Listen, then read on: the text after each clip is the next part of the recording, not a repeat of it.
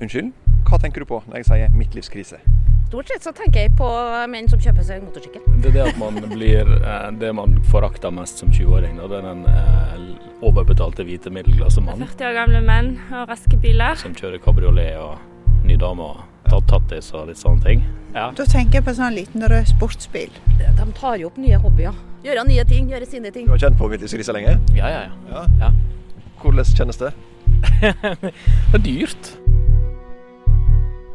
Jeg heter Arild Oppheim, og jeg er midtlivsmannen. 42,6 år. Og jeg innså at jeg var ei tikkende midtlivskrisebombe. Så jeg slutta i jobben for å vie livet mitt til å forhindre den der klisjéfylte, paniske, patetiske midtlivskrisa. For meg sjøl, og for dere som hører på. Og første episode er straks klar. Torsdag 23. januar.